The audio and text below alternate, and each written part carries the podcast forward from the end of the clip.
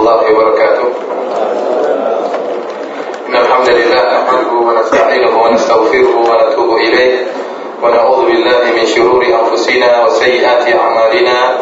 من يهده الله فلا مضل له ومن يضلل فلا هادي له. أشهد أن لا إله إلا الله وحده لا شريك له وأشهد أن محمدا عبده ورسوله لا نبي بعده. يا أيها الذين آمنوا اتقوا الله حق تقاته ولا تموتن إلا وأنتم مسلمون. يا أيها الناس اتقوا ربكم الذي خلقكم من نفس واحدة وخلق منها زوجها وبث منهما رجالا كثيرا ونساء. واتقوا الله الذي تساءلون به والأرحام إن الله كان عليكم رقيبا. يا أيها الذين آمنوا اتقوا الله وقولوا قولا سديدا. يصلح لكم أعمالكم ويغفر لكم ذنوبكم. ومن يطع الله ورسوله فقد فاز فوزا عظيما. فإن أصدق الحديث كتاب الله وخير الهدى هدى محمد صلى الله عليه وسلم وشر الأمور محدثاتها فإن كل محدثة بدعة وكل بدعة ضلالة وكل ضلالة في النار Para hadirin yang dirahmati oleh Allah Subhanahu wa taala, segala puji dan syukur kita panjatkan kehadirat Allah Subhanahu wa taala yang telah menggerakkan hati kita dan memudahkan kita untuk berkumpul di tempat ini dalam rangka untuk menuntut ilmu, dalam rangka untuk menambah ilmu kita sedikit demi sedikit dan dalam rangka untuk menghilangkan kejahilan kita sedikit demi sedikit tentang masalah agama. Dan topik yang akan kita bahas pada kesempatan kali ini adalah tentang pembelaan terhadap syariat poligami sebagaimana tadi telah diisyaratkan oleh Al Ustadzul Fadil Syafiq uh, Bawazir menjelaskan bagaimana tentang orang-orang kafir dari orientalis dan juga uh, kaum kufar yang lainnya di mana mereka senantiasa berusaha untuk mencela syariat poligami. Kita tahu bahwasanya orang-orang kafir ya, orientalis dan yang lainnya mereka senantiasa mencari celah terhadap syariat Islam ini, syariat yang sempurna dalam segala hal, syariat yang sempurna dalam segala hal dan dalam segala bidang kehidupan manusia telah diatur dalam syariat Islam. Ya, tidak ada syariat yang sempurna seperti syariat Islam. Inilah yang membuat mereka hasad dan mereka ingin ya, dengki dan mereka ingin menjatuhkan syariat Islam dengan mencari-cari celah mana perkara-perkara yang mereka angkat untuk menjatuhkan Islam. Mereka banyak berbicara tentang syariat Islam di antaranya seperti yang pernah kami juga masalah warisan dan sampai sekarang mereka masih beributkan masalah warisan. Kata mereka kenapa seorang wanita mendapatkan satu satu bagian sementara lelaki dua bagian, ya. Dan masalah ini juga dipeributkan dari dulu sampai zaman sekarang. Ya. Mereka menganggap ini celah terhadap syariat Islam. Demikian juga mereka mengangkat masalah poligami. Sebagaimana yang disyaratkan oleh Ustaz Syafiq Bawazir bahwasanya mereka mengatakan bahwa poligami merupakan bentuk kejahatan, bentuk kezaliman terhadap para wanita. Ya, syariat poligami merupakan bentuk pemuasan hawa nafsu bagi kaum lelaki muslim dan tuduhan-tuduhan yang lainnya sehingga kalau masyarakat sudah menerima bahwasanya poligami itu adalah syariat yang batil, syariat yang berkaitan dengan hawa nafsu, tatkala kaum muslimin sendiri ya, sudah mampu dengan syariat poligami, maka akan mudah untuk dimasuki oleh syaitan untuk mencela syariat-syariat yang lain. Kenapa? Karena poligami perkara yang ijma para ulama tentang bolehnya poligami. Dan dipraktikkan oleh Nabi Shallallahu Alaihi Wasallam dan dipraktikkan oleh para sahabat radhiyallahu taala anhum. Bahkan sampai sebagian ulama mengatakan saya tantang bagi kaum muslimin dan untuk mencari apakah ada seorang sahabat yang tidak poligami. Baca itu tarajum, baca itu biografi para sahabat. Ya, dalam buku-buku yang menjelaskan bagaimana biografi para sahabat. Hampir seluruh, seluruhnya mereka melaksanakan poligami, mengikuti sunnah Nabi Shallallahu Alaihi Wasallam, manusia terbaik ya di atas muka bumi ini yang pintu surga tidak akan dibuka kecuali yang ketuk adalah Nabi Shallallahu Alaihi Wasallam. Dialah yang pertama kali, ya, dialah yang memulai ya syariat poligami dengan tawabitnya, dengan batasan-batasannya, dan dialah Rasulullah Shallallahu Alaihi Wasallam yang menikahi para wanita. Wa man raghiba an sunnati falaysa minni. Dan barang siapa yang benci akan sunnahku, maka dia bukan dariku.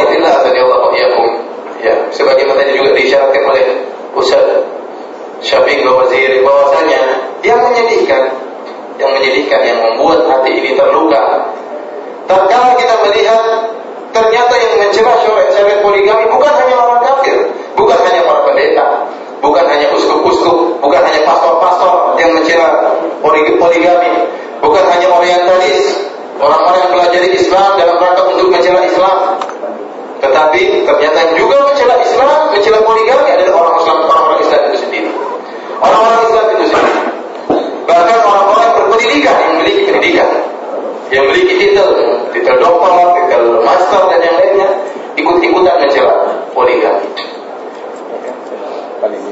dan yang mudah ya, mudah terprovokasi dari cara-cara ini jelas kaum wanita. Ya. kaum wanita kalau sudah dengar masalah poligami memang hatinya agak teriris-iris ya. Menyedihkan bayangan tidak mungkin orang, orang sudah dipoligami sudah akan hancur lebur rumah tangganya.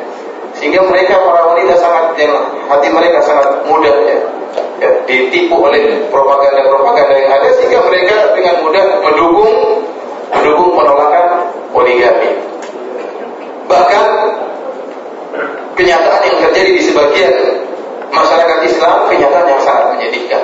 Kenyataan yang sangat menyedihkan. Seorang wanita, ya, seorang wanita muslimah, kita tidak berbicara tentang wanita kafir, tentang wanita Nasrani, wanita Yahudi. Kita bicarakan tentang sebagian wanita-wanita muslimah yang begitu bencinya terhadap syariat poligami. Sampai-sampai ya, praktek mereka menunjukkan kalau suami saya berzina, saya izinkan. Yang penting jangan apa? Jangan poligami. Kalau sang wanita melapor kepada ibunya, kepada mertua sang lelaki, Bu, suami saya tidak sholat, suami saya Bu e, pecandu narkoba Bu, gimana Bu? Ya, ya tidak apa-apa, kamu sabar, sabar. Ya, insya Allah Allah akan berikan hidayah kepada suamimu. Gak jadi masalah kalau suaminya pecandu narkoba, apalagi ini minum bir, kemudian tidak sholat. Tapi kalau laporan kedua, bu, suami saya poligami bu, oh, kamu pulang aja ke sini, cerai aja cerai, jangan jangan jangan langsung kan pernikahanmu sama suamimu. Tapi suami saya rajin sholat, dia rajin sholat berhenti pokoknya putus hubungan sekarang. Jadi subhanallah, suami rajin sholat dari poligami ditolak. Lebih baik suami yang tidak sholat, pecandu narkoba, tidak jadi masalah. Ini kenyataannya Apalagi kalau kita bicara ini kita bicara tentang masyarakat muslim di negara-negara Islam. Apalagi kalau bicara tentang praktek poligami di negara-negara kafir sampai ada sebagian negara yang melarang adanya poligami. Melarang ya, tidak boleh ada namanya poligami. Tapi kalau zina tidak jadi masalah. Kalau zina kemudian bahkan homoseksual tidak jadi masalah. Tapi kalau poligami tidak boleh.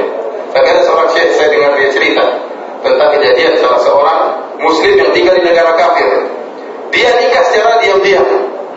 Nikah dengan seorang wanita, kemudian ditempatkan di sebuah apartemen. Ya. Dia hidup sekali-sekali ke ke istri pertamanya, sekali-sekali ke istri yang keduanya. Akhirnya ada yang melapor kepada istri pertamanya bahwa suamimu telah menikah dengan wanita yang lain. Akhirnya karena nilom atau peraturan pemerintah melarang adanya poligami, maka istri pertama pun melaporkan ke polisi untuk menangkap? Suaminya yang telah melakukan kriminal. Kenapa? Karena berpoligami. Akhirnya benar datanglah polisi dan menangkap menangkap sang laki dan menangkap juga istrinya yang kedua. Setelah dimajukan ke pengadilan, sang suami harus berbohong supaya dia selamat.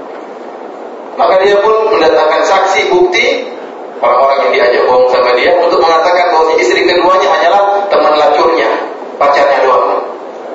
Akhirnya setelah terbukti bahwa istri keduanya itu ya hanyalah sekedar pacarnya, teman untuk berzinanya, maka kata polisi ya, oh saya kira itu istri kedua Kalau itu cuma pacarmu ya, tidak apa-apa ya, tidak apa-apa. Mohon maaf kita ini nakal kamu mohon maaf. Kalau zina nggak jadi masalah ya. Karena ikhwan billah Allah ya. Sebenarnya kita akan bicarakan syariat poligami adalah syariat yang mukjizat yang Allah turunkan dengan peraturan-peraturan yang batasan-batasan yang ada yang tidak pernah ada pada syariat-syariat sebelumnya. Ya.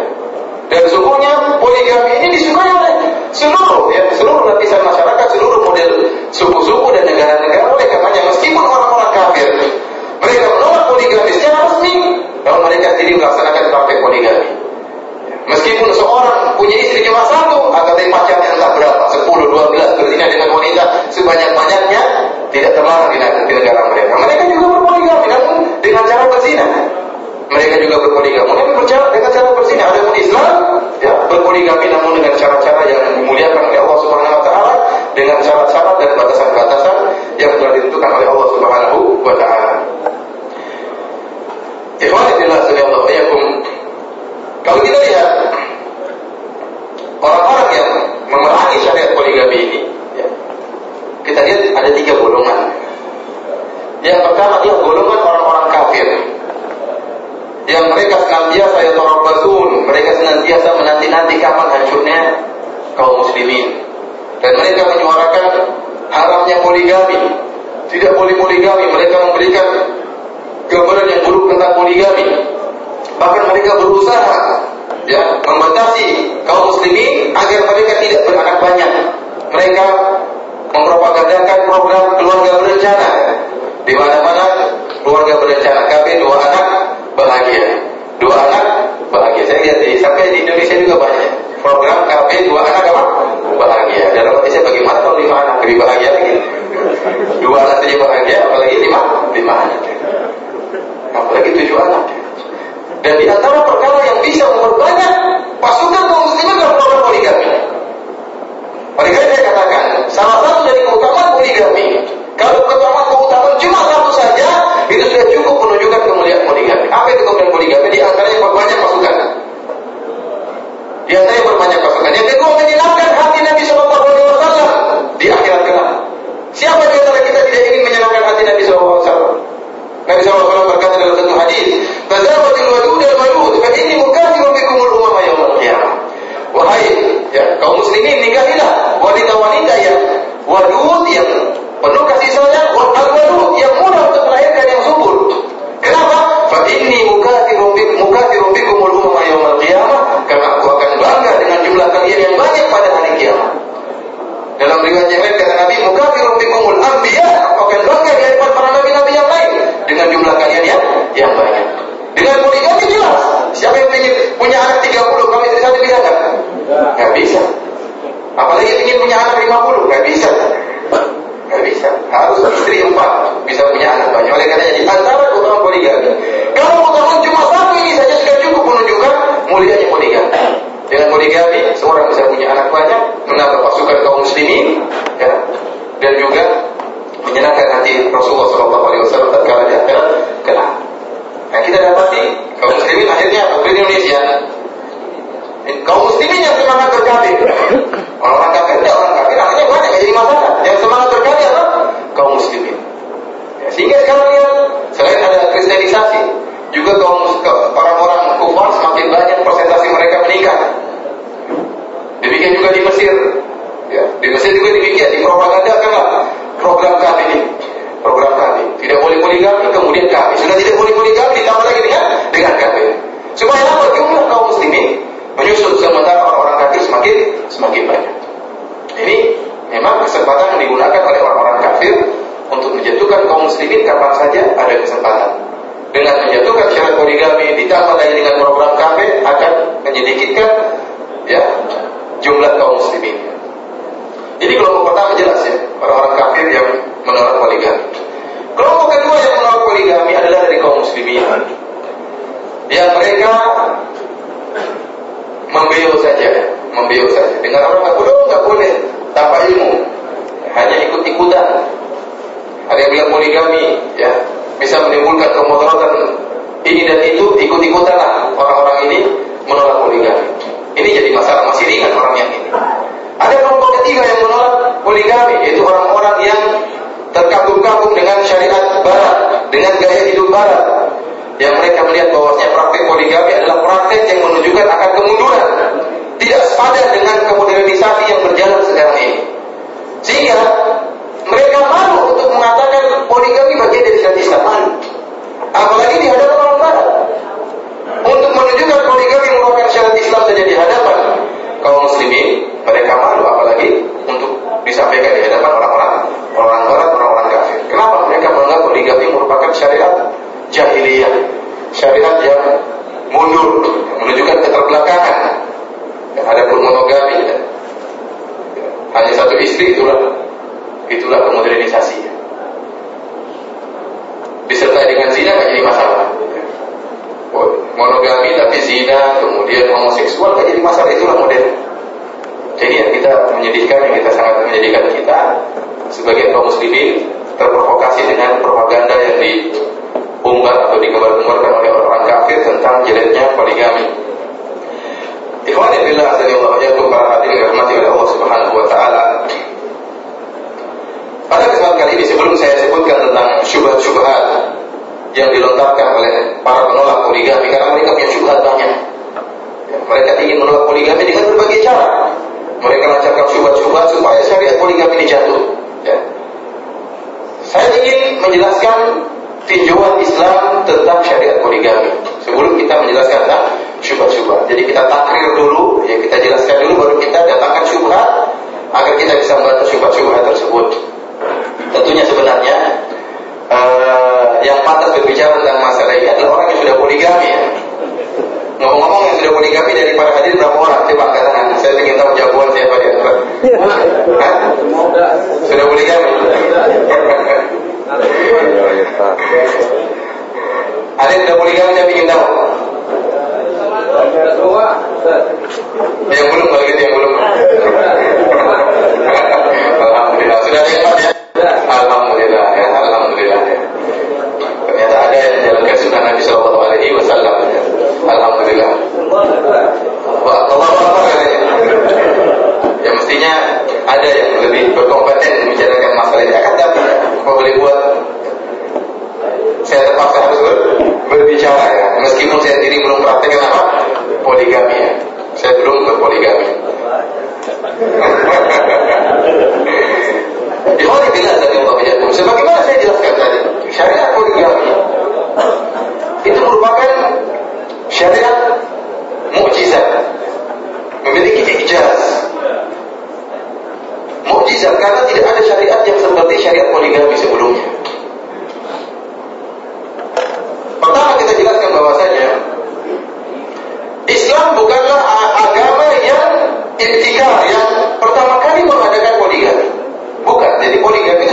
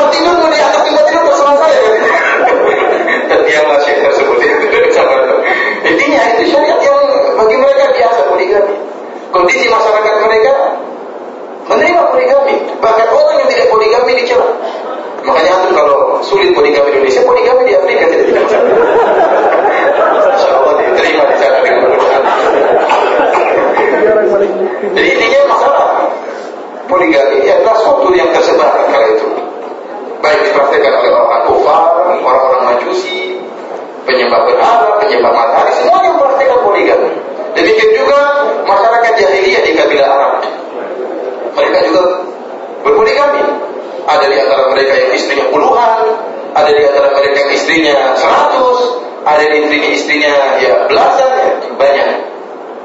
Datanglah syariat Islam. Islam bukan mengadakan baru syariat poligami, bukan. Tapi Islam mengatur poligami yang sudah ada supaya tidak Allah, tidak kacau balau, tidak amburadul. Diaturlah oleh syariat Islam. Jadi orang yang mengatakan Islam, kenapa bikin syariat poligami? Dia tidak, Islam tidak membuat syariat poligami. Islam mengatur poligami yang sudah beredar menurut fitrah manusia. Sudah ada, tinggal diatur oleh Islam. Di sinilah letak mukjizatnya syariat poligami. Kenapa? Karena bisa mengatur dengan persyaratan yang ketat. Dengan persyaratan yang ketat. Oleh karena iman yang jelas dari Allah Yakum.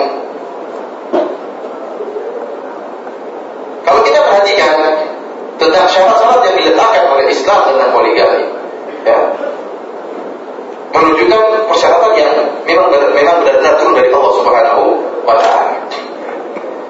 Syarat yang paling utama adalah keadilan. Iya atau tidak? Seorang suami yang poligami harus bersikap adil. Kalau tidak adil tidak layak untuk jadi seorang peraktek poligami. Praktis poligami harus orang yang adil. Ini syarat ketat yang diletakkan oleh oleh Islam. Bahkan ada ancaman dari Rasulullah SAW. Maka kalau merbatani, famala ila ihdahuma jaa yaumal qiyamati yushikuhu ma'in. Barang siapa yang memiliki dua istri, kemudian dia condong kepada salah satunya, tidak adil dalam mempergauli kedua istri tersebut, maka dia akan datang pada hari kiamat dalam keadaan badannya miring. Dalam hadis yang lain wasyiku sakit, badannya jatuh satunya. Bayangkan dia jalan di hari, hari kiamat di hadapan khalayak dipermalukan oleh Allah Subhanahu wa taala. Dipermalukan oleh Allah Subhanahu wa taala. Kenapa ini badannya miring? Oh poligami tapi nggak adil. Jadi bahan yang memalukan di hadapan masyarakat banyak. Oleh karena Islam memberikan persyaratan tentang poligami. Diatur poligami tersebut sudah ada, tetapi diatur dengan persyaratan di antaranya harus bersikap adil. Dan kalau kita bicara tentang masalah adil ini, terlalu banyak pembahasan dalam kitab-kitab fikih menjelaskan tentang yang dimaksud dengan keadilan ini. Dalam segala hal, ya, dalam segala hal kecuali masalah hati, masalah kecintaan, itu seorang tidak bisa adil. Karena tidak mungkin seorang kemudian punya istri empat dia bagi-bagi untuk si A 25%, si B 25%, si C 25%, si D 25% susah bagi hati seperti itu. Susah. Kan? Akan tapi dimaksud dengan keadilan sih dari sisi misalnya gina ya tak nabi kemudian dari sisi nafkah memberi nafkah dari bentuk apa misalnya berhubungan ya juga harus dengan keadilan sampai disebutkan oleh Ibnu Qudamah rahimahullah dalam kitabnya Al-Mughni Nabi Shallallahu alaihi wasallam adil dalam segala hal bahkan dalam masalah ciuman pun Nabi Shallallahu alaihi wasallam pun adil. Jangan sampai seorang punya berpoligami istrinya empat akhirnya dia tiap malam. Malam pertama nginap istri pertama malam kedua istri kedua malam ketiga istri ketiga malam keempat istri keempat. Tapi yang digauli dijimai cuma istri keempat terus. Satu dua tiga dilewati saja memang lewat tempat tidur numpang orang di situ. Yang keempat baru di, digauli ini ketidakadilan. Jadi bukan hanya adil dalam sisi nafkah bahkan sebagian ulama mengatakan dalam jima dalam hubungan pun harus bersikap adil. Karena setiap wanita punya hasrat kecuali memang istrinya kalau istrinya tidak berhasrat itu lain cerita. Jadi persyaratan diletakkan oleh syariat Islam tentang keadilan merupakan persyaratan yang yang ketat. Syarat yang kedua selain adil, ya. Islam juga mempersyaratkan kemampuan. Kemampuan. Bahwasanya orang yang berpoligami harus punya kemampuan dari sisi ya fisik maupun dari sisi nafkah dia punya kemampuan. Jangan berbicara tentang poligami. Tapi istri pertama saja Rasulullah SAW mengatakan ya ma'syar syabab man istata'a minkumul ba'a falyatazawwaj fa innahu aghaddu lil basar wa ahsanu lil farj faman lam yastati' fa alayhi bis siyam fa innahu lahu bijah kata Nabi wasallam wahai para pemuda Barang siapa di antara kalian memiliki kemampuan berbahak, maka menikahlah. Karena menikah itu bisa menundukkan pandangan, kemudian bisa uh, menjaga kemaluan, lebih menjaga kemaluan. Dan barang siapa yang tidak mampu, tidak memiliki kemampuan, maka hendaknya dia berpuasa. Hendaknya dia berpuasa. Ini tentang istri yang pertama. Istri yang pertama disyaratkan oleh Islam untuk memiliki kemampuan, baik kemampuan untuk berjima, ya, maupun kemampuan dalam sisi nafkah. Oleh karena Allah taala mengatakan, "Wal yastaqbil ladina la yajiduna nikahan hatta yughniyahumullah." Hendaknya orang-orang yang tidak memiliki kemampuan untuk menikah, dia menjaga dirinya sampai Allah Subhanahu wa taala berikan dia kemampuan, baru kemudian dia dia menikah. Kalau tidak memiliki kemampuan, maka dia untuk menurunkan syahwatnya hendaknya dia berpuasa. Hendaknya dia berpuasa. Ini berbicara tentang istri pertama bagi tentang istri kedua.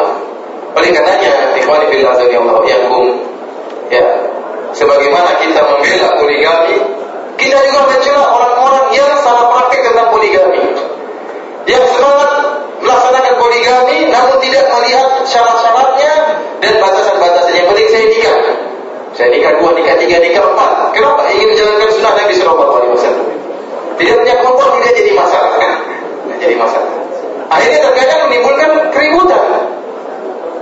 Orang yang sudah poligami, dia akan menjadi sorotan masyarakat. Dan karena itu dia berpihak, dia sedang berpihak. Kalau dia bisa bersikap adil, membahagiakan keempat istrinya, tidak menimbulkan permasalahan, maka subhanallah dia akan berikan contoh yang luar biasa. Dan saya anggap itu merupakan jihad di zaman sekarang ini. Kenapa? Karena syariat poligami syariat yang dijauhi. Maka dijauhi kaum muslimin. Para lelaki semua pernah melaksanakan poligami.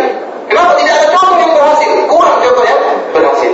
Ada contoh yang berhasil tidak ketahuan. Yang ketahuan yang yang diumbarkan di media massa yang buruk-buruk saja. Padahal yang berhasil juga ada.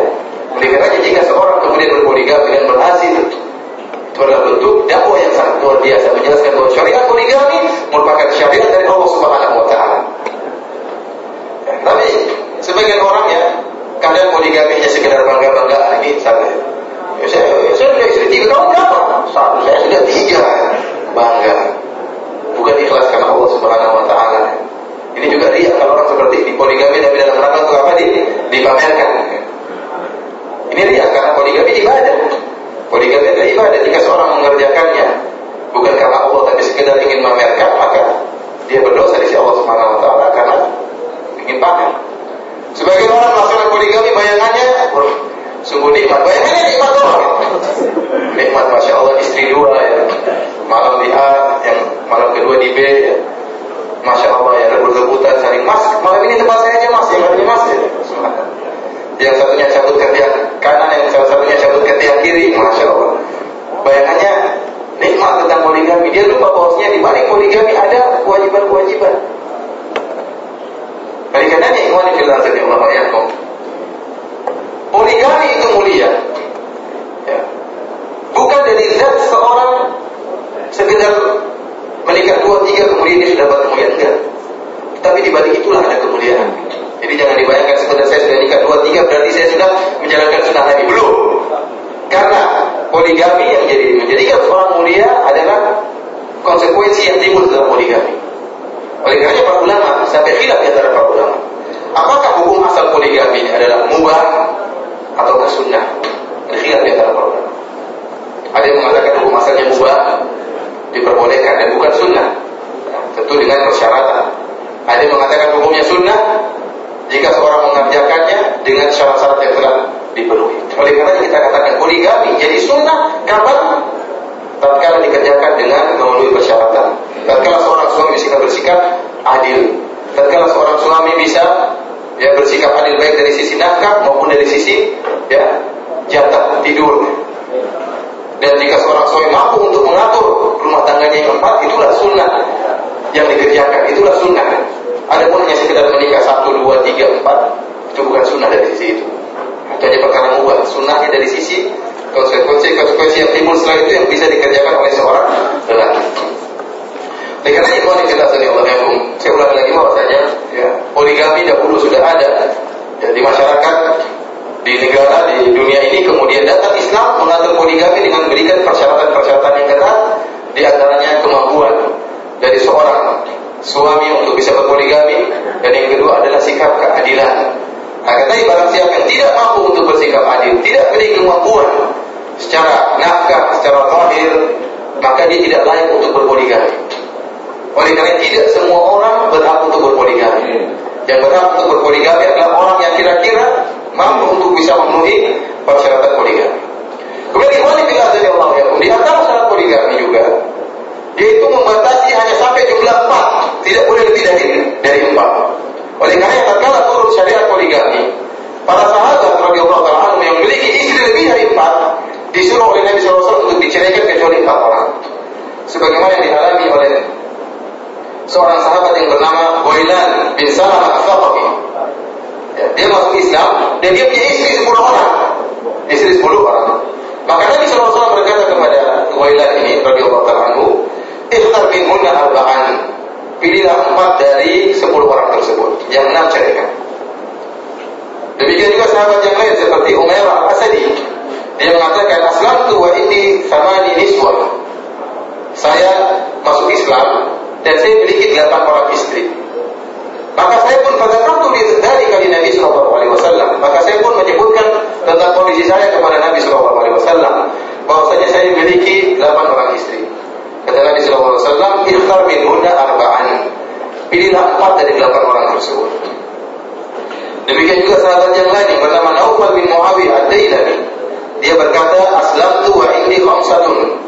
Fa'adittu ila aqdamihinna niswatan. Faqala li Rasulullah wasallam ikhtar arba'an ayyuhunna syi'ta wa hadhihi al-ukhra.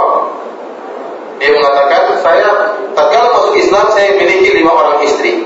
Maka saya tatkala itu memilih empat yang paling duluan menjadi istri saya. Jadi istri yang terakhir saya ceraikan. Akan tapi Nabi SAW mengatakan, Ikhtar arba'an ayyuhunna syi'ta. Pilih saja empat terserah kamu, tidak mesti yang pertama kali nikah. Terserah yang mana yang kamu pilih. Kata dia, akhirnya saya pun dengan kata Nabi SAW, paling di ukhra dan ceraikan yang yang salah satunya. Jadi sisakan empat, yang satunya di, dicerai. Oleh karenanya, eh, ini dalil ya, bahwasanya eh, dan ini merupakan ijma ulama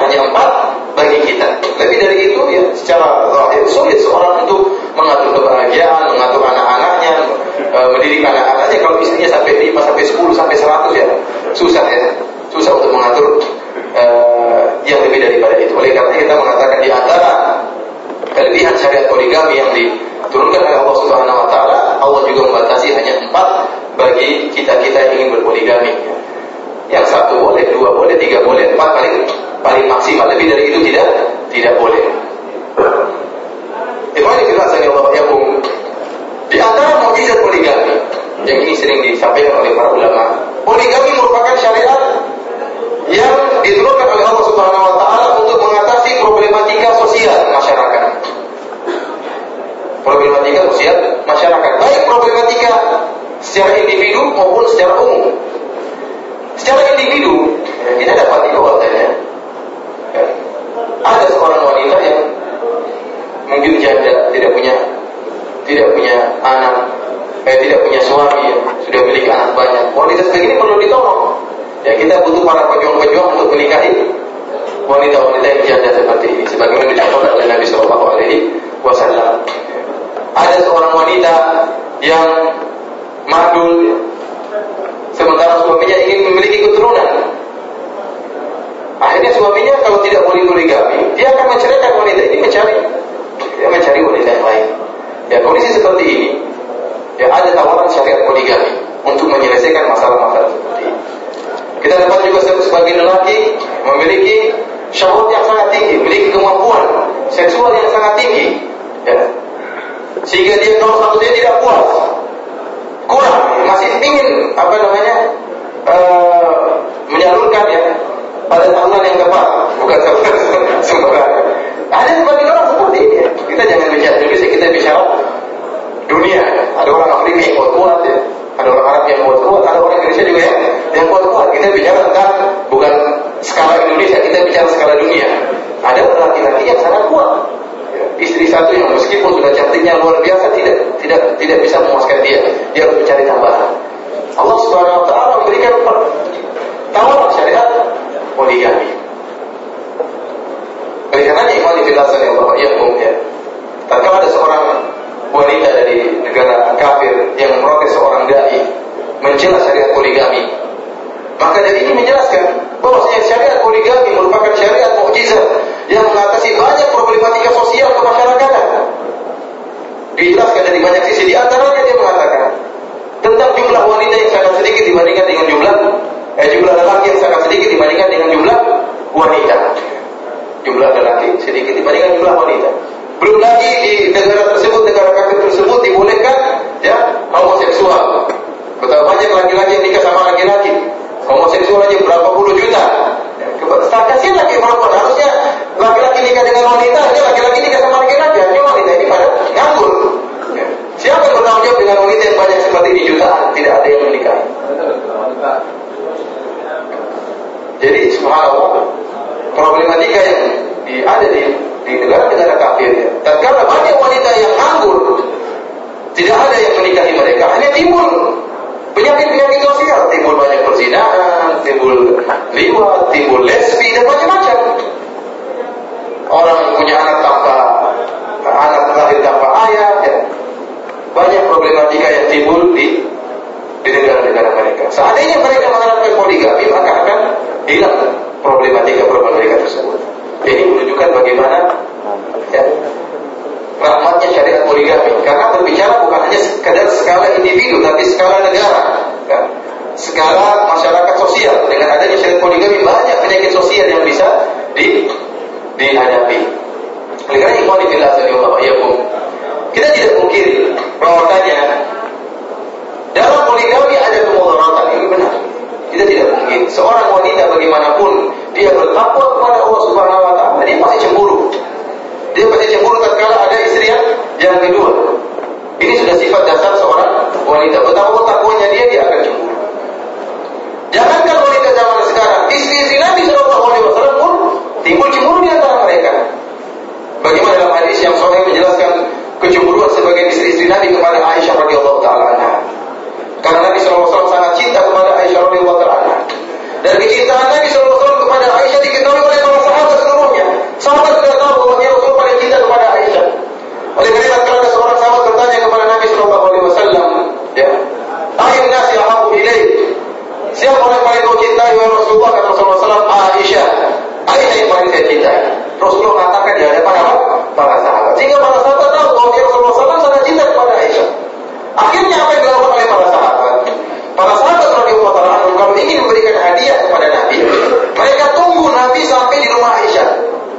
lagi lagi di rumah Ummu Salamah nggak dikasih hadiah, lagi di Zainab tidak dikasih hadiah, lagi di Hafsah tidak dikasih hadiah. Sampai Nabi di rumahnya Aisyah baru berbondong-bondong kasih hadiah kepada Nabi Shallallahu Alaihi Wasallam. Kenapa? Tatkala Nabi Shallallahu Alaihi Wasallam di rumah istri yang paling dia cintai, hati Nabi berbinar-binar. Pas waktunya untuk kasih hadiah. Ini dilakukan oleh para sahabat. Akhirnya diprotes oleh istri-istri Nabi yang lain. Mereka tahu para sahabat dia beres kenapa kasih hadiah tatkala di rumah Aisyah. Kenapa para sahabat ngasih hadiah tunggu di rumah Aisyah? Akhirnya mereka putuslah Ummu Salamah untuk melaporkan kepada Nabi Shallallahu Alaihi Wasallam. Ummu Salamah adalah seorang wanita yang sangat cerdas dan sangat dewasa. Mendatangi Nabi Shallallahu Alaihi Wasallam mengatakan, wahai Nabi, sungguhnya istri-istrimu, ya mereka protes. Ingin agar para sahabat kalau mau kasih hadiah jangan pas lagi di rumahnya siapa? Aisyah. Tapi di mana saja engkau berada kasih hadiah. Nabi tidak gubris. Hanya diam. Akhirnya Pak Jatah Ummu Salamah yang berikutnya, enggak ya, hari ke-9, kan istri Nabi 9. Tiap hari ganti-ganti. Hari ke-9 berikutnya, ngomong lagi Ummu Salamah, wah Rasulullah. Istri-istri memprotes. Rasulullah diam lagi. Sampai di putaran berikutnya lagi protes lagi. Ini ditegur oleh Nabi Sallallahu Alaihi Wasallam. La tu'dini fi Aisyah. Jangan kau ganggu aku dengan masalah Aisyah. Ikhwan fillah sallallahu alaihi Jadi ternyata memang para sahabat sudah tahu tentang kecintaan Nabi SAW kepada Aisyah. Bahkan istri-istri Nabi yang lain pun cemburu kepada Aisyah radhiyallahu taala. Istri-istri yang lain mengutus. Bukan cuma Ummu Salamah yang diutus, Fatimah juga diutus untuk protes mengadu kepada Nabi Shallallahu Alaihi Wasallam. Akan tapi itu masalahnya masalah. Oleh karena Nabi Shallallahu Alaihi Wasallam mengatakan, Allahumma hada qasmi bima amlik, fala talumni Fima tamlik wala amlik. Kata Nabi Wasallam, ya Allah, ya inilah pembagianku secara zahir. Saya adil ya Allah Subhanahu Wa Taala. Secara masalah jatah nginap, kemudian masalah nafkah, Rasulullah adil akan tapi masalah cinta. Kata Nabi Wasallam, "Fala talumni fi ma tamlik wala amlik." Jangan kau celah aku ya Allah pada perkara yang kau kuasai. Hati adalah masalah engkau ya Allah. Engkau yang menguasai hatiku. Dan aku tidak bisa menguasai hatiku. Aku tidak bisa membagi hatiku menjadi sembilan masing-masing persen kepada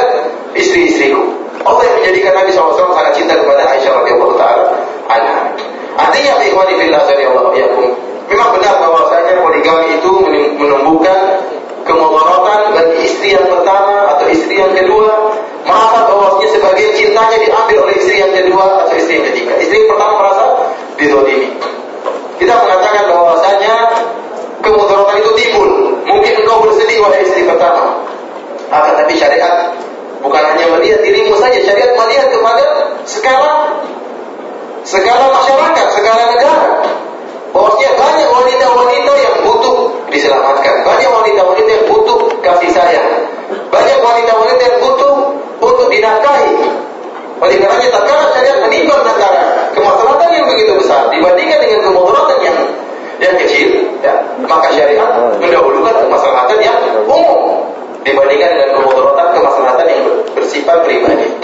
Oleh kita katakan meskipun ya kalau poligami menimbulkan kemudaratan sedikit yaitu dengan sedihnya wanita yang pertama dia merasa dizalimi atau cintanya merasa terbagi ya kita katakan bahwasanya syariat memandang dalam skala negara dan kemaslahatan poligami adalah kemaslahatan yang luas dan umum oleh karenanya syariat mendahulukan kemaslahatan tersebut dan meninggalkan kemaslahatan pribadi bagi istri istri yang pertama oleh karena ikhwan yang Allah itu pernah disampaikan dalam satu seminar tentang masalah poligami dan waktu itu ada dihadiri oleh para wanita. Maka berdirilah wanita yang pertama protes tentang poligami. Wanita yang pertama protes. Saya tidak terima ada poligami. Poligami ada syariat yang menzolimi para wanita. Poligami ada syariat yang menjatuhkan derajat wanita. Begini mereka yang kedua, maka tidak poligami adalah syariat yang memuliakan wanita. Poligami adalah syariat yang menyanjung para wanita. Poligami adalah syariat yang perhatikan para wanita. Ternyata dicek-cek yang tadi bantah istri pertama, yang bela istri ke ketiga. Ya, oleh katanya, oleh katanya kita katakan syariat poligami melihat kemaslahatan umumnya. Ikhwan bila saya Allah ya, kita pending dulu kalau fikum. Ikhwan yang tidak saya wakil Sebagaimana tema yang telah disampaikan oleh Ustaz Syafiq eh, Bawazir bahwasanya hari ini kita membela tentang syariat Membela syariat poligami. Yang telah kita jelaskan bahwa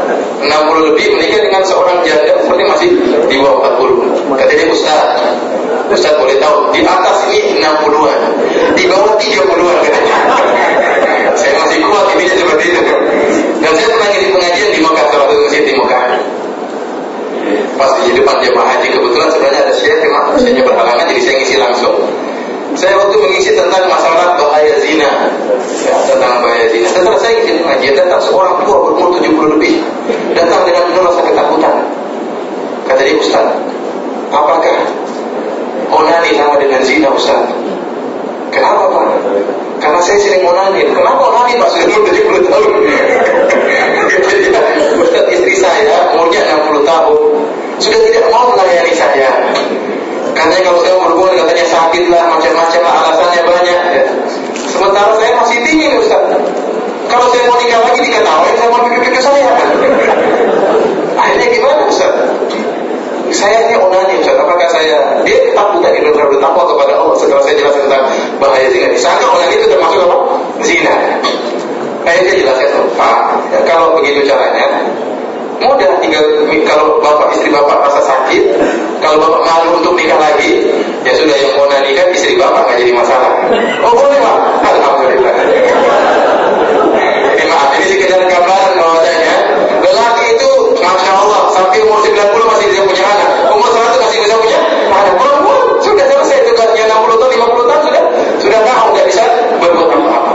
semakin membuat bahwasanya jumlah lelaki yang lebih sedikit dan kesiapan untuk nikah semakin besar sementara ya jumlah wanita lebih banyak ya.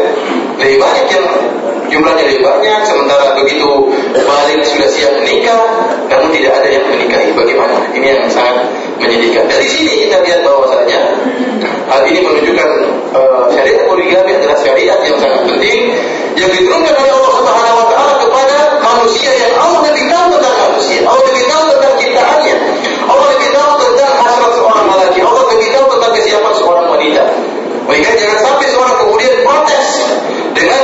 Allah Subhanahu wa taala dengan protes dengan syariat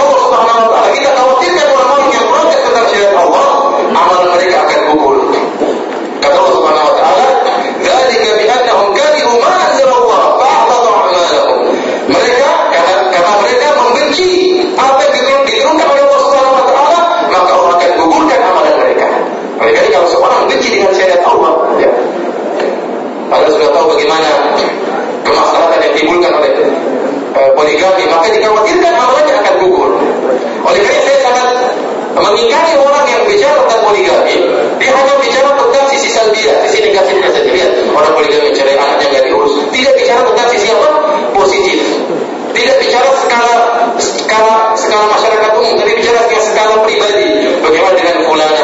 Umum fulana yang kasihan. Bicara tentang masyarakat umum. Bagaimana yang janda-janda yang begitu banyak apalagi terjadi peperangan tahu banyak para pemuda yang meninggal dunia. Sehingga banyak para wanita seperti negara-negara barat tatkala perang dunia pertama sekitar 50 juta pemuda meninggal. Sehingga banyak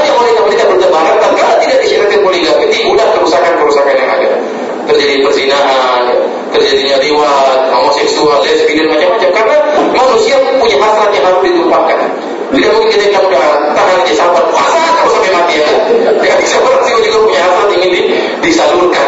Orang juga punya hasrat ingin disalurkan. Oleh karenanya tanpa ragu lagi kita katakan bahwasanya syariat poligami adalah syariat yang mukjizat dari Allah Subhanahu wa taala yang tidak pernah ada syariat seindah syariat uh, poligami dan semoga Allah Subhanahu wa taala memudahkan para hadirin sekalian untuk bisa melaksanakan sunnah yang ditinggalkan oleh kebanyakan para lelaki.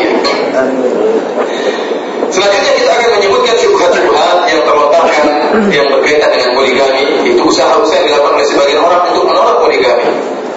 Di antaranya syubhat yang paling kuat yang sering disampaikan oleh orang kafir yang tidak beriman kepada Allah dan tidak beriman kepada Rasulullah SAW mereka mengatakan Rasulullah SAW adalah rajul syahwani seorang yang hanya mengumbar hawa nafsu mengikuti hawa nafsu buktinya apa nikah dengan sembilan orang apakah tidak cukup bagi dia cuma empat orang kenapa harus sampai sembilan orang ya. kita katakan bahwa ini syubhat yang kuno yang sudah diucapkan dan tidak berbicara tentang hakikat jadi orientalis itu apa? Orientalis itu orang kafir yang belajar tentang agama agama Islam, agama orang timur. Mereka mempelajari bukan mencari kebenaran dalam rangka untuk merusak Islam dalam rangka untuk mencari ayat-ayat Islam. Dan mereka tidak akan menemukannya kecuali dengan kebohongan. Mereka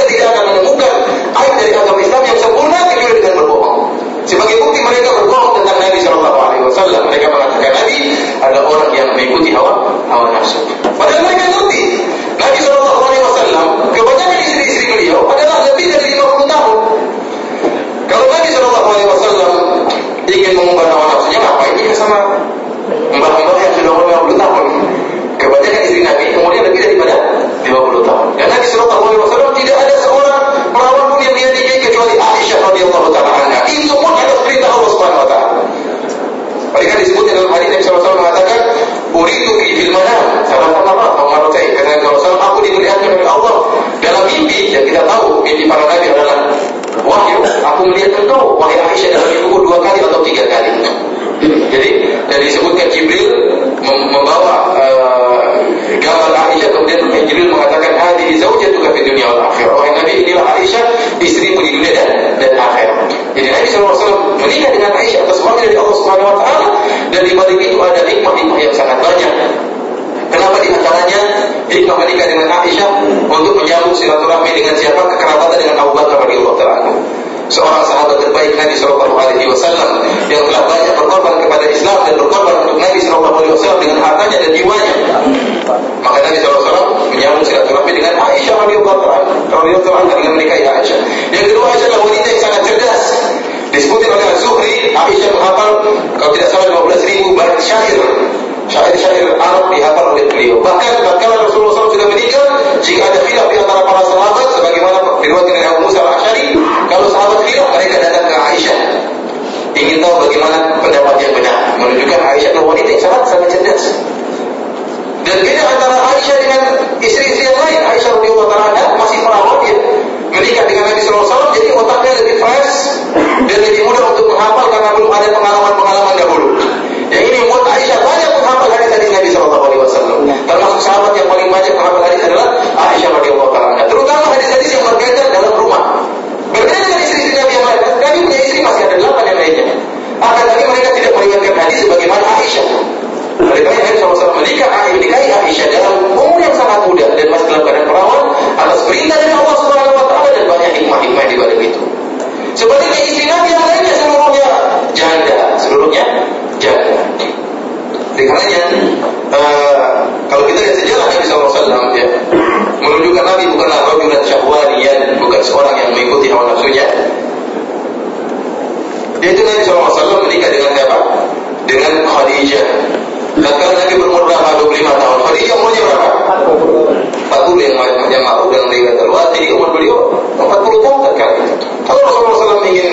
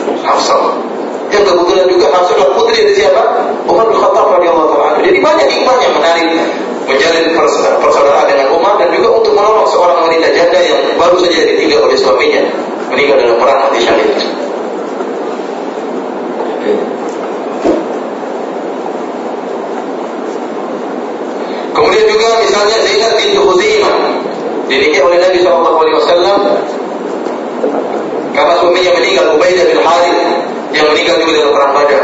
Tatkala sebelum perang Badar terjadi duel antara tiga orang dari kaum musyrikin dan tiga orang dari kaum muslimin. Di antaranya Ubaidah bin Harith dia uh, berperang melawan salah seorang dari orang musyrik kemudian dia terluka kemudian akhirnya uh, meninggal dunia. Yang Ubaidah termasuk orang yang sudah tua di antara uh, kaum muslimin.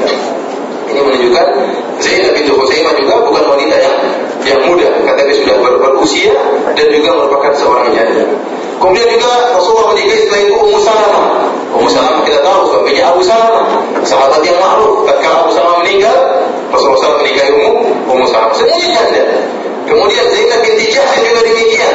Tadinya nikah dengan Zaid bin Harithah, kemudian cerai diceraikan oleh Zaid bin Harithah dinikahi oleh Nabi Shallallahu Alaihi Wasallam untuk menolak persangkaan orang bahwa Zaid adalah anak dari Muhammad Wasallam. Karena Zaid bin Harithah adalah seorang budak yang dibeli oleh Khadijah radhiyallahu taala kemudian Khadijah menghadiahkan Zaid bin Harithah kepada Nabi wasallam. Akhirnya dibebaskan oleh Nabi wasallam. Sehingga orang menyangka Zaid ini seperti anaknya Nabi. Sampai orang mengatakan Zaid bin Muhammad. Zaid bin Muhammad. Akhirnya dilarang oleh Allah Subhanahu wa taala dan Zaid punya istri di, diceraikan oleh Zaid dan dinikahi oleh Nabi Shallallahu alaihi wasallam untuk menghilangkan persangkaan bahwasanya Zaid adalah anaknya Muhammad Shallallahu alaihi wasallam karena kalau anaknya Zaid adalah anaknya Muhammad, nggak boleh Nabi Muhammad menikahi istri dari anaknya. Tapi kalau Nabi Shallallahu Alaihi Wasallam menikahi istri anaknya, maka hilang persangkaan bahwa Zaid bin Harithah adalah anak dari Rasulullah Shallallahu Alaihi Wasallam. Demikian juga Rasulullah SAW menikahi Ummu Habibah Ramlah binti Abi Sufyan. Suami dari Ramlah adalah Abdullah bin Jahshin. Abdullah bin Jahshin ini hijrah dua kali ke negeri Habasyah. Pertama tatkala kaum muslimin di Mekah di diintimidasi oleh orang-orang musyrikin, maka dia pun berhijrah ke ke Habasyah pertama, kemudian balik ke Mekah disangka sudah aman, ternyata belum aman. Hijrah lagi kedua di di Habasyah. Tatkala hijrah kedua Abdullah bin Jahsy ternyata dia murtad. Abdullah bin Jahsy apa? Murtad. Ada subhanallah yang pertama dalam keadaan beriman, hijrah yang kedua murtad. Akhirnya Rasulullah SAW pun menikahi Ramlah Ummu Habibah karena suaminya sudah murtad. Dan ada maksud dari Nabi SAW di antaranya pertama untuk mengayomi Ramlah karena suaminya sudah murtad. Yang kedua untuk menarik hati Abu Sofyan karena Abu Sofyan tatkala itu masih kafir dan merupakan gembong dari orang-orang kafir. Ya gimana perasaan kita orang jadi gembong kafir kemudian ternyata anaknya dipinang oleh Rasulullah SAW. Paling tidak ada rasa apa? Wah itu itu apa mantu saya bagaimanapun juga itu mantu mantu saya. Inilah di antara siasat Nabi SAW dan yang lain juga demikian, janda-janda yang lainnya. Kita singkat waktu karena waktunya sangat terbatas. Ya, kemudian kita lihat bagaimana bukan cuma Nabi yang poligami bukan cuma Nabi. Para sahabat juga demikian. Sebagaimana saya katakan tadi, cari dalam biografi sahabat satu orang sahabat yang istri cuma satu, tidak akan ada temukan. Seluruh biografi yang menceritakan sahabat sebelumnya poligami. Siapa di antara mereka? Di antara mereka Abu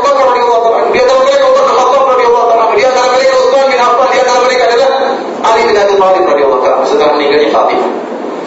Mereka siapa mereka? Mereka adalah mujahidin tatkala di siang hari. Di malam hari mereka sholat malam.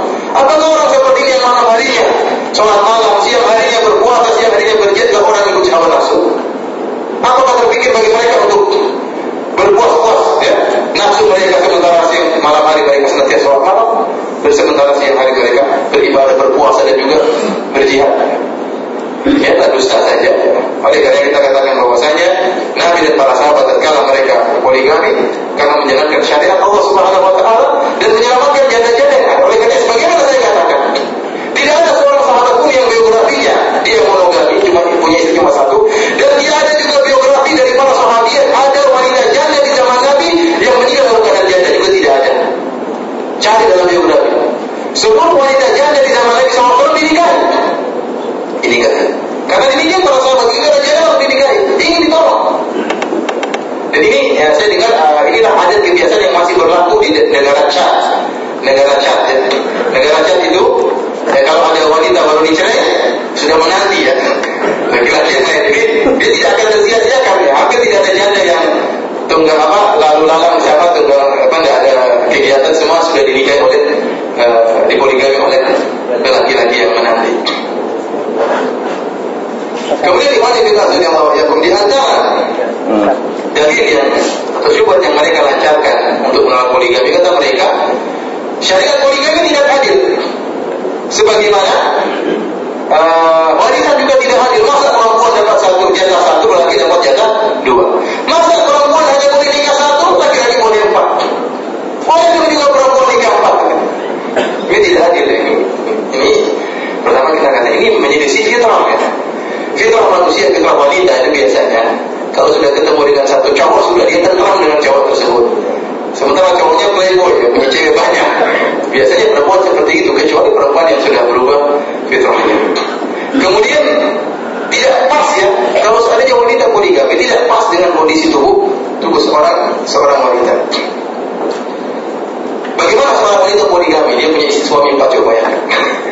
Dia lagi haid, lagi nifas, kadang hamil, dia kadang melahirkan, lagi haid, suaminya bingung cuma empat orang. Istri, istri kita lagi haid, kita gimana ya?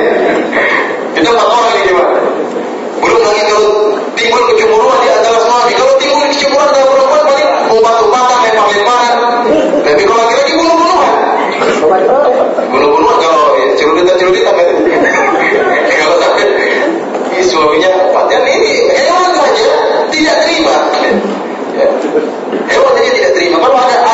yang lagi berhubungan dengan istrinya, datang ayam yang lain, nggak mungkin ayam. Apalagi orang bisa bunuh-bunuhan antara dua ekor otak gara-gara ada otak lagi yang lain jantan ingin menggoda istrinya, menggoda apa? Betinanya. Tidak ada semua hewan juga seperti kecuali babi, babi saja ya. Dia rame-rame menyerang seorang babi betina. Dan ini dan ini adalah adat kebiasaan orang Islam punya gairah, punya apa?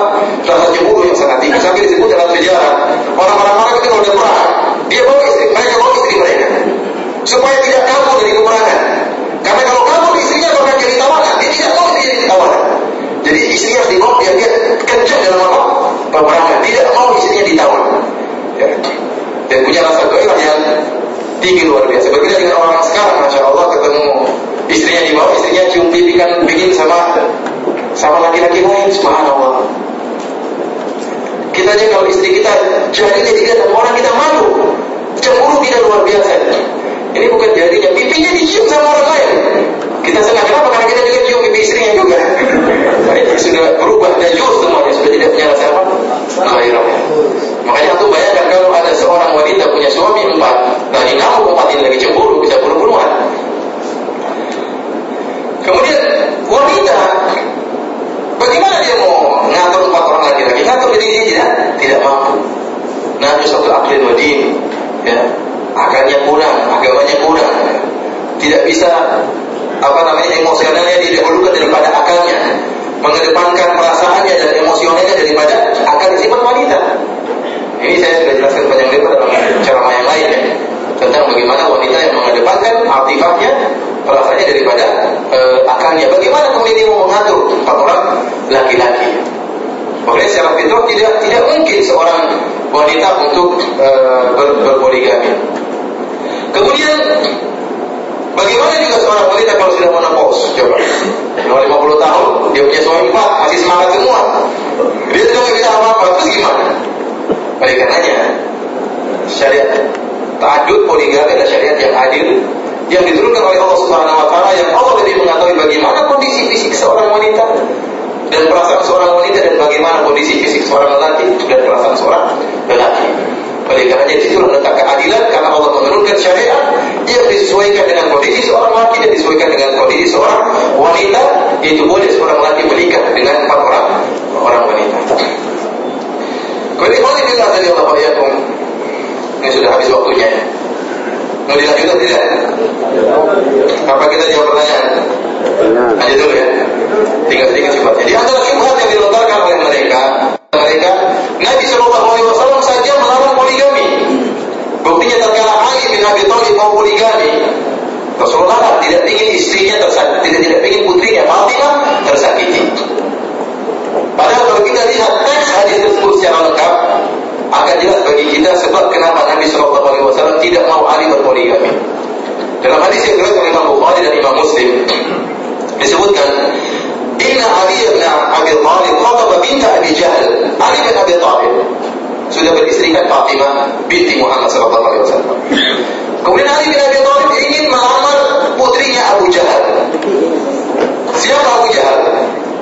Fir'aun hadir umat, Fir'aunnya umat ini. Rupanya putrinya yang kalau tidak salah namanya Jamila atau yang lainnya ingin dihibah, ingin dilamar oleh siapa? Ali bin Abi Thalib. Ingin menggabungkan punya dua istri, Fatimah sama istrinya Rasul sama istrinya Abu Jahal. Nah, ini tentu perkara yang tidak disukai oleh Nabi Shallallahu Alaihi Wasallam. Fasali uh, Kemudian Rasulullah SAW berkhutbah di hadapan manusia, di atas mimbarnya. Dia mengatakan, Inna Fatimah minni, wa anni atakhawwaf an tuftana fi diniha. Sungguhnya Fatimah dariku, keturunanku, dan aku khawatir kalau Ali bin Abi Thalib menikah dengan putrinya Abu Jahal, maka putriku akan terfitnah agamanya.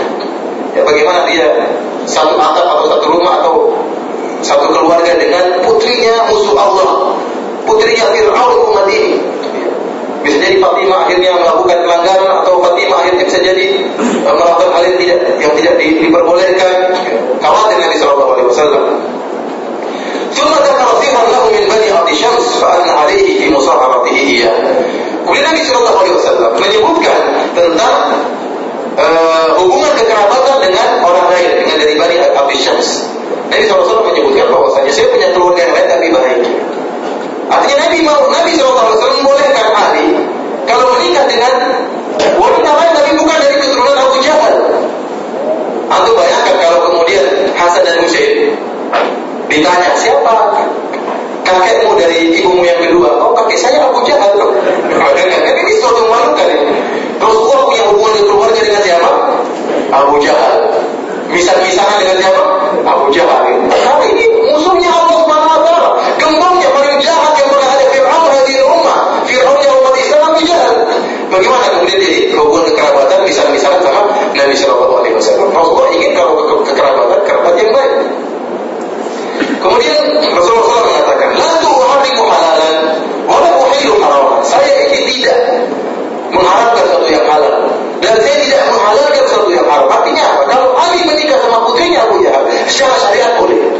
Secara syariat boleh dan itu tidak haram.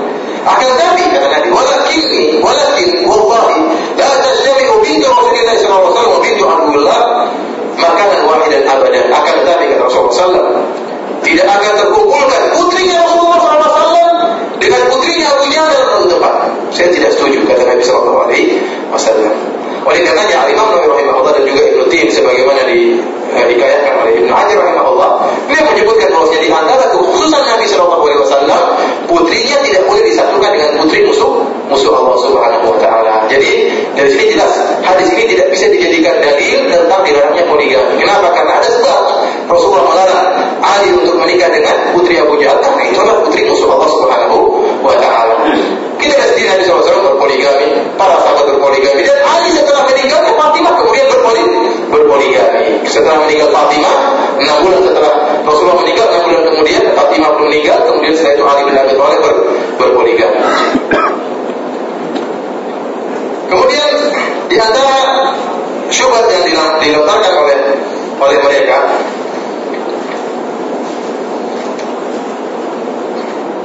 itu bahwasanya wanita kalau dipoligami, kalau dipoligami tersebut gagal. Ini sering timbul dalam perasaan banyak istri-istri, banyak umat ibu-ibu. Wah, si suami saya mau nikah lagi, berarti saya pelayanannya kurang sempurna. Berarti saya ini kurang cantik, sudah tua kali lihat di kaca kayaknya sudah meong-meong, apa namanya, mencet-mencet sedikit, sudah peot-peot. Dia perasaan seperti itu, padahal nggak benar. Tidak mesti kalau suami poligami berarti istrinya buta atau pincang atau peot, enggak, nggak mesti. Nggak mesti. Buktinya Rasulullah SAW setelah menikah dengan Aisyah, Rasulullah masih menikah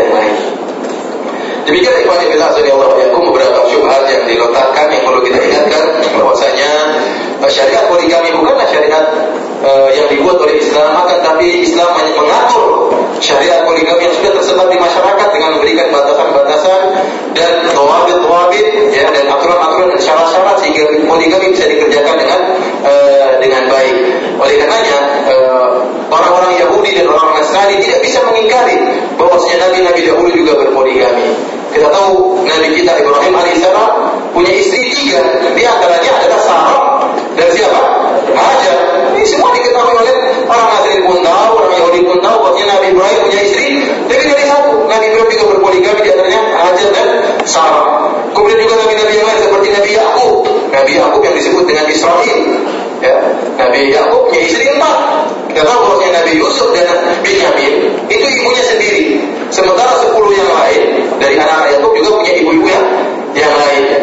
Oleh karenanya Nabi Yakub alaihissalam juga memiliki istri lebih dari dari satu. Bahkan disebutkan beliau memiliki empat orang istri. Kemudian Nabi Daud alaihissalam disebutkan dalam kitab Taurat dalam perjanjian lama memiliki istri seratus. Berapa? Seratus. Masih kurang. Nabi Sulaiman alaihissalam disebut dalam sifat takwin dalam perjanjian lama ya punya istri seribu orang. Berapa? Seribu. Tujuh ratus dari merdeka dan tiga ratus dari budak. Terus Nabi Muhammad cuma sembilan sudah diprotes.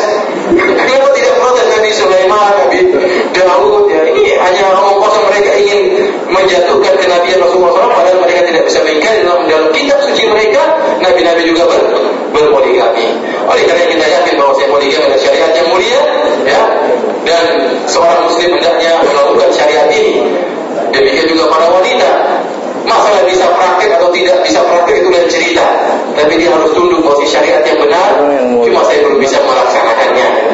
Jangan dia tolak. Dia benar itu betul iman itu adalah hanya propaganda yang disebarkan oleh orang-orang barat dan orang-orang orientalis. Demikian saya ikhwan fillah saya Allah apa yang bisa saya sampaikan pada kesempatan ini.